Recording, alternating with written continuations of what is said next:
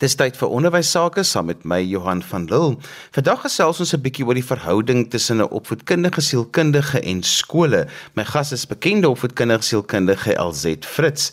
LZ, hoe sou jy die rol van 'n opvoedkundige sielkundige met betrekking tot skole en onderwysers beskryf? Hallo Johan en die luisteraars. Ehm um, ek wil dalk net eers begin met wat is die opvoedkundige sielkundige en dan dit in die konteks van skole sit? Want ons spesialisveld is binne die professie van sielkundig sielkunde en die raamwerk van sielkunde. En ons fokus is baie sterk op leer die akademiese funksionering gedrag sosiale en emosionele ontwikkeling van leerders. En hier gaan ek nou 'n bietjie breër maak van alle ouderdomme maar met veral die klem op kinders en jong mense binne die konteks van skole en ander opvoedkundige instansies. So vanaf 'n baie jong ouderdom is um, ons kleintjies wat al die voorskool besoek reg deur laerskool, hoërskool en selfs universiteit en verder is die rol van die opvoedkundige sielkundige om te kyk maar hoe kan ons leer optimaliseer? En leer is 'n baie breë veld. Dit gaan nie net oor eksamen skryf, toetse, goeie punte kry nie. Um, en ons neem ag wat is al die verskillende aspekte wat 'n impak kan uitoefen op 'n persoon se leerfunksionering selfs ook in die beroepswêreld. So hoe sal jy dan sê hoe werk die opvoedkundige sielkundige wat is hulle rol dan ten opsigte van skole? Jy kry 'n opvoedkundige sielkundiges wat binne die skoolkonteks werksaam is. So van hulle word deur die skool aangestel en hulle is deel van die personeelkorps. Hulle is daar om die onderwysers by te staan om te kan identifiseer is daar dalk 'n moontlike leerbelemmering. Wat is dit wat hierdie kind nodig het sodat hierdie kind optimaal kan funksioneer? Wat is dit wat dit moeilik maak vir hierdie kind? Ons werk ook met ouers want ons kyk na die kind binne 'n bio-ekosistemiese raamwerk. So jy kyk na al die sisteme wat 'n impak uitoefen op hierdie kind of op hierdie individu se funksionering. En die huiskonteks speel 'n ongelooflike groot rol. Jy kyk ook na die kind self, so dit gebeur baie keer dat 'n kind na ons verwys word.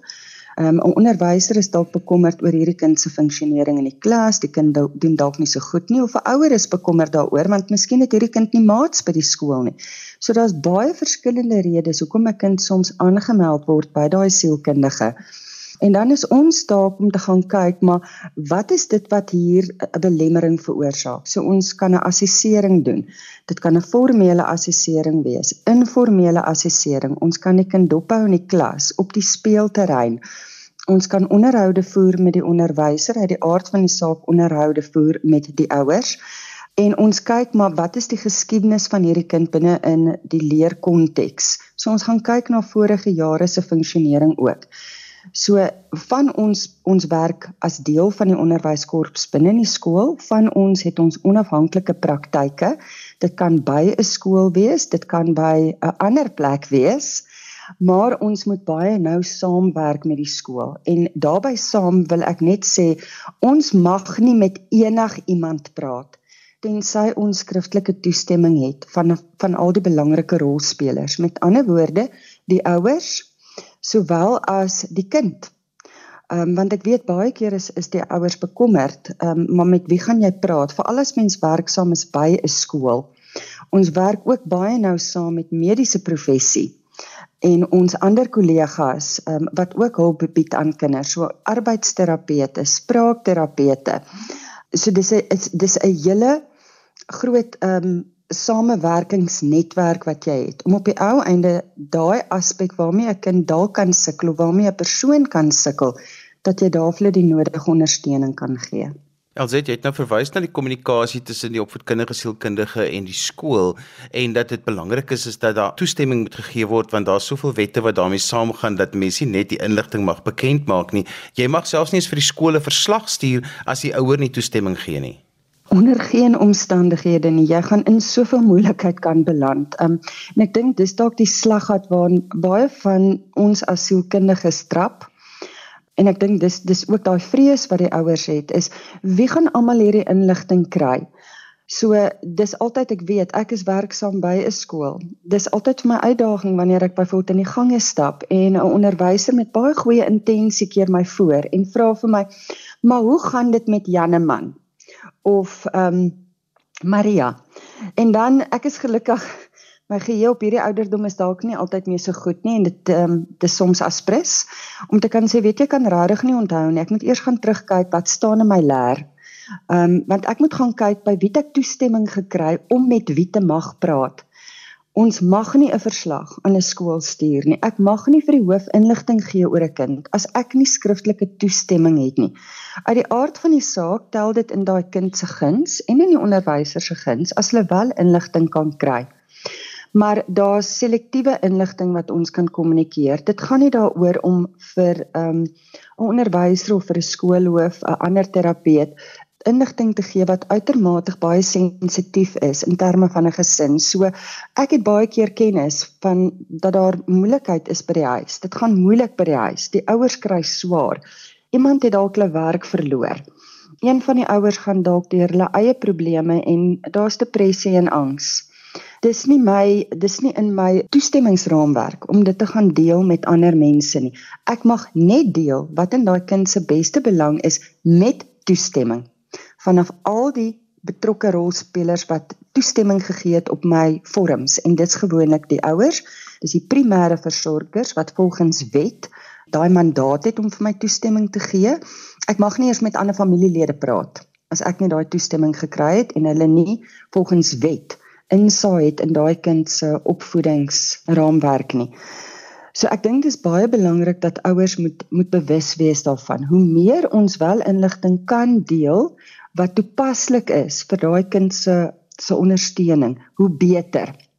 Terselfdertyd moet ons ook baie sensitief wees daarmee en die kind moet ook toestemming gee. So ek mag byvoorbeeld nie eers toes um inligting sommer net deel met ouers as 'n kind vir my gesê het ek wil nie mamma of pappa moet hierdie weet nie. En dan moet ons aan die ander kant die regswetlike aspek in ag neem want wat sê die kinderregte wet? Daar's sekere goed waaroor ek nie mag stil bly nie wat um, nie in die kind se beste belang is as ek stil bly daaroor nie. So ek moet dit ook in ag neem en daarom sal ek altyd vir ouers en kinders verduidelik waaroor mag ek stil bly? Waaroor mag ek volgens wet nie stil bly nie? Dat 'n kind ook bewus is daarvan. Elsit net om daai punt klaar te maak as 'n mens as 'n onderwyser baie keer 'n kind verwys het, gee dit jou nie outomaties die toestemming nie. Dis nogal belangrik dat mense dit moet verstaan. 'n ouer of 'n onderwyser kan 'n kind na my toe verwys. Dit is nog steeds daai ouers se reg om te besluit nee, ek wil nie na hierdie sielkundige toe gaan nie, ek wil na 'n iemand anders toe gaan. En die feit dat daai onderwyser die kind aan my verwys het, beteken nie ek het daardeur toestemming om weer terugvoer te gee aan daai onderwyser nie. Ek sê altyd enigiemand mag met my praat as sielkundige. Ek het nie die reg om op my beurt met enigiemand te praat nie.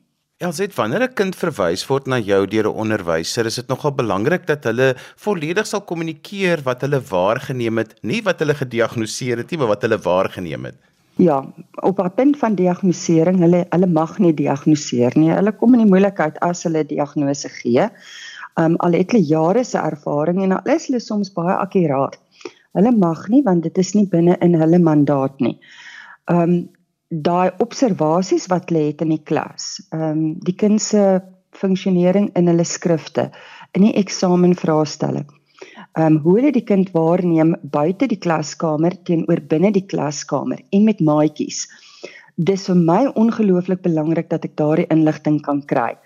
En ek weet in baie skole is daar kinders wat byvoorbeeld gereeld gaan aanklop by die sekretaresse dan sit vir my ook nogal van waarde om 'n bietjie met die sekretaresse te praat om te hoor maar wie by jou kom aanklop. Dit sê baie keer vir my daar's 'n kind wat dalk ietwat in nood is. Daai kind het 'n bietjie ekstra koestring nodig. Daai kind dra 'n angstigheid. So as onderwysers ook baie keer vir my sê die kind's altyd laat in my klas.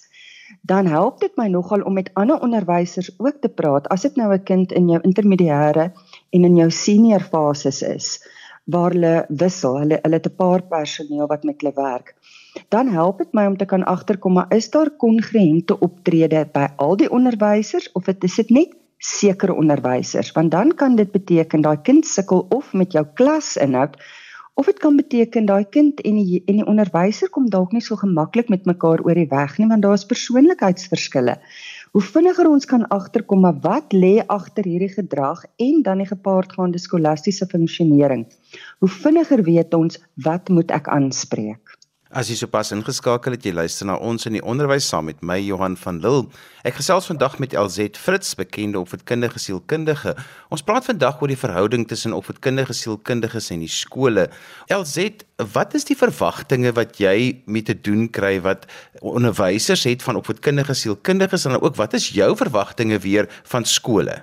Verwagting baie keer vanaf die skool en onderwysers se kant af, hier's 'n probleem, ek stuur dit na jou, toe sorteer dit uit sodat ehm um, dit nie my probleem is nie. En ehm um, weer eens, ons werkstelsel is, daar is sekere aspekte wanneer 'n kind na my verwys word dat ons redelik vinnig kan aanspreek. Ek kan gou genoeg agterkom dit is wat die probleem is en as ons dalk hierdie intervensies in plek stel, gaan dit hierdie kind help. Dan is daar ander wat baie meer kompleks is. So ek ek kyk ongelooflik holisties na 'n kind. Vanaf neurologies, kognitief, sintuiglik, fisies, perseptueel, sosiaal, emosioneel en skolasties. En hoe meer van daai aspekte 'n kind dalk um, 'n probleem mee ervaar of dit skep 'n leerbelemmering, hoe meer kompleks is die intervensie. En hoe moeiliker kan dit dalk vir 'n onderwyser ook wees om daai kind te hanteer. Dan moet ek baie keer vir 'n onderwyser sê, maar jy gaan dalk jou verwagtinge moet aanpas. Daar gaan dalk meer ondersteuning gegee moet word. Dis nie meer so maklik om net 'n kind uit een klas of een skool te verwyder en in 'n ander skool te gaan sit nie. Ons doen dit nog want ons besef soms hierdie kind gaan nie aan die leereise kan voldoen binne in hierdie skool nie. Maar as dit 'n kind is wat nou al lank in hierdie skool is, daar's bande, daar's maats, daar's so 'n sosiale ondersteuningssisteem, dan probeer ons kyk so ver as moontlik Hoe kan ek hierdie kind in die klaskonteks ondersteun? En dan beteken dit baie keer daar's 'n ekstra lading op daai onderwyser want hulle moet hulle leerstyl aanpas, hulle moet hulle onderrigstyl aanpas, hulle moet hulle assessering aanpas ehm um, daar moet dalk konsessies ingebring word en dan is dit baie belangrik om daai onderwyser ook te ondersteun. Ehm um, en, en daar wil ek eintlik 'n pleidooi aan aan die ouers rig. Die ouers het een of twee of drie kinders, dalk in sommige gevalle meer as dit. Die onderwyser sit met 'n hele klas vol kinders en hoe meer ons mekaar kan ondersteun, hoe makliker maak ons dit vir al die betrokke rolspelers op die ou einde vir daai kind dat ons nie daai kind se selfbeeld vernietig nie. So dis dis baie keer daai daai verwagting van of onderwysers is spreek dit net so gou as moontlik aan. En dan my verwagting is baie keer hoe meer inligting jy vir my kan gee, hoe meer help dit my ek moet soms klasbesoek doen en ek besef vir onderwysers is dit nie altyd baie gemaklik nie want hulle hulle voel soms blootgestel, hulle voel mense kom hou hulle dop en dis nie die geval nie. Ek wil regtig kom kyk hoe funksioneer daai kind in die klas. Ek doen dit so onopsigtelik as moontlik want baie keer gaan ons in 'n klas en die kind weet nie eers jy hou die kind dop nie. Jy wil eintlik in daai klas inkom net as as 'n besoeker om bietjie te kyk maar wat doen die kinders? Hoe doen hulle dit? Hoe is die interaksie? En jy kyk half oorhoof soos 'n uil. Kyk jy sonder dat daai kind eintlik moet weet jy kyk na daai kind want jy wil nie daai kind ongemaklik laat voel nie. Jy wil ook nie hê die ander kinders moet dink, "Mm, daar's fout met hierdie kind." Ehm um, want dit affekteer onmiddellik die sosiale dinamika. So ek wil graag vir onderwysers die pleidooi rig. Dit gaan nie oor om foute vind by jou nie.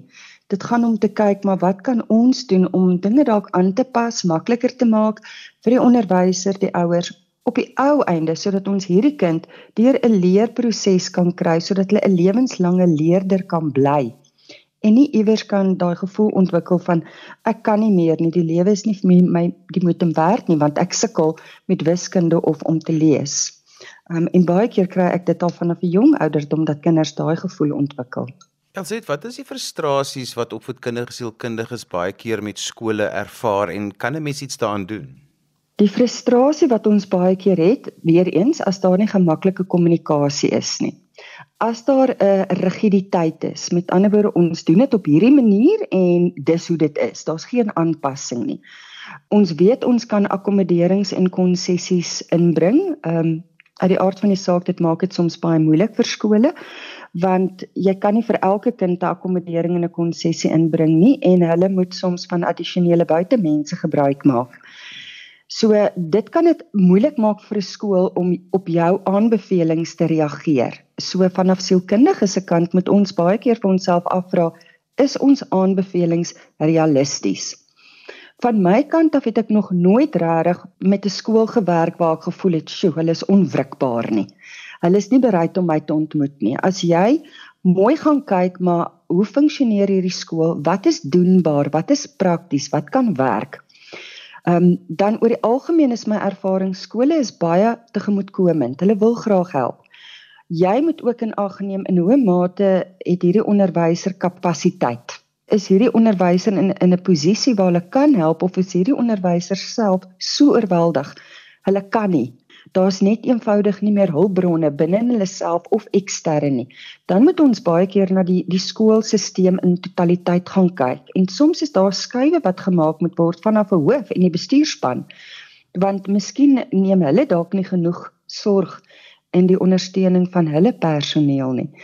Um uit die aard van die saak ook gaan kyk ons nie net in die klas nie, ons gaan kyk ook maar wat is daar wat jy aanbied vir die kinders aan die buitekant, um aktiwiteite sportaktiwiteite. Dit ek het dit al ervaar dat daar baie keer in 'n skool klem gelê word op een tipe aktiwiteit ten koste van erkenning vir ander aktiwiteite. En ons almal het verskillende talente. En op die einde wil jy graag vir 'n kind ehm um, geleentheid gee. As hulle byvoorbeeld nie kan presteer binne in 'n akademiese onderrigruimte nie, dat daar wel aan die eksterne kant, kultureel, sportgewys, dat daar daar vir hulle geleentheid is om te kan presteer. So my frustrasie is baie keer as ek by 'n skool kom en daar's net fokus op een tipe aktiwiteit ten koste van erkenning aan van die ander aktiwiteite.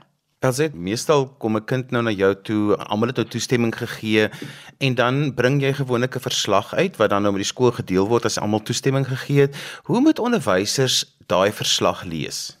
Ek dink eerstens wil ek vir die sielkundiges vra skryf asseblief die verslag dat iemand daar ander kan dit buite kan lees dat dit toeganklik is. Ek kyk soms na verslae en dan is dit soos 'n mini dissertasie. Dit bestaan uit 30 bladsye. Dan dink ek net neem asseblief nie die onderwyser in ag. Hulle het nie die tyd om deur hierdie 30 bladsye te gaan nie. Maak dit vir hulle so so toepaslik as moontlik dat dat hulle by die kern van die saak kan uitkom en dan vir 'n onderwyser om te gaan kyk maar wat is daai laaste bladsy? Dis baie keer die opsomming.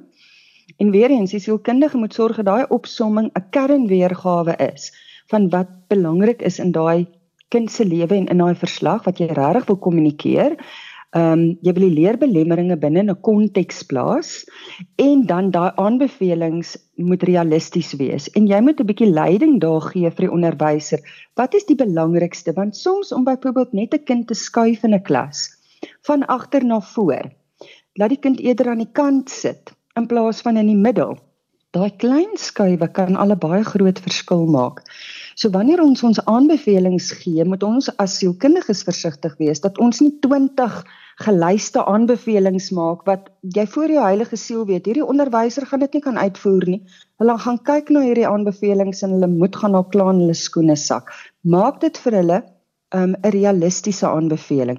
En dan vir die onderwyser aan die begin van die jaar of al aan die einde van die jaar wanneer jou kinders toegeskryf word na jou klas toe.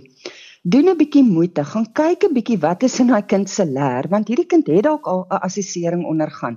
En as jy dalk 'n bietjie van daai kind weet, gaan dit dalk vir jou begrip gee vir daai kind en jy gaan nie onmiddellik hierdie kind etiketeer as 'n stout kind wat knaand net in die moeilikheid kom nie. Stout en lui is baie keer twee van die kernwoorde wat ek vind in 'n skool en dan wil ek net my kop skud want jy, jy gee vir hierdie kind 'n etiket en 'n loop vir die res van hulle lewe daarmee. LZ wat ek altyd aanmoedig is om te sê 'n verslag is nie 'n een eenrigting kommunikasie dokument nie. Opvoedkundige sielkundiges verwelkom dit nogal as die onderwyseres kontak maak en sê ek verstaan nie lekker die motivering agter nommer 3 of nommer 5 op jou verslag nie. Verduidelik vir my. Ek is so dankbaar jy noem dit want daai kommunikasie is op die einde wat hierdie kind gaan help. Die sielkundige staan nie in die klas om te kan kyk wat gebeur nie. So hoe meer um kommunikasie die die juffrou of die meneer het, met die sielkundige en dan ook met die ouers. Hoe meer het ons daai geleentheid om te kyk maar wat werk vir hierdie kind. Die sielkundige het aanbevelings gemaak, maar dis dalk nie toepaslik in die klas nie. Die onderwyser het dalk iets gedoen en gevind, "Sjoe, dit werk." Kommunikeer dit met die sielkundige want dis 'n deurlopende leerproses. Elke kind is uniek. Ek is al so lank in hierdie professie en ek word nog steeds verras, verstom, verbaas deur ehm um, die vindingrykheid waarmee onderwysers vorendag kom en ouers en my ander kollegas. So meer rolspelers saam saamwerk, hoe groter is die die moontlikheid dat ons vir daai kind 'n uh, 'n plan van aksie, ondersteuningssisteem um, kan uitwerk wat werk, um, sodat ons hierdie kind se lewe makliker kan maak en op die ou einde al die rolspelers se lewe makliker maak. Ons het ons gekom aan die einde van vandag se program. So wat is belangrik vir mense om te weet oor die verhouding tussen die opvoedkundige sielkundige en die skool? Ons het nou die platform. Energie van die skool beïnvloed daai kind se energie en ook die sielkundige sin. So wees bewus van elke rolspeler se energie, kundigheid en ehm um, hou die kommunikasiekanale oop. Elsit as mense met jou verder wil gesels, hoe kan hulle met jou kontak maak? My e-posadres is my naam en my van E L Z E T T E F R I T Z syfertjie 1 @gmail.com. En so gesels LZ Fritz bekende opvoedkundige sielkundige. Ons het vandag gesels oor die verhouding tussen opvoedkundige sielkundiges en skole. Onthou jy kan weer na vandag se program luister as 'n potgooi, laai dit af by resgep.co.za. Onthou jy kan vir my 'n e-pos skryf by Johan van Lille@gmail.com. daarmee groet ek dan vir vandag tot volgende week van my Johan van Lille. Totsiens.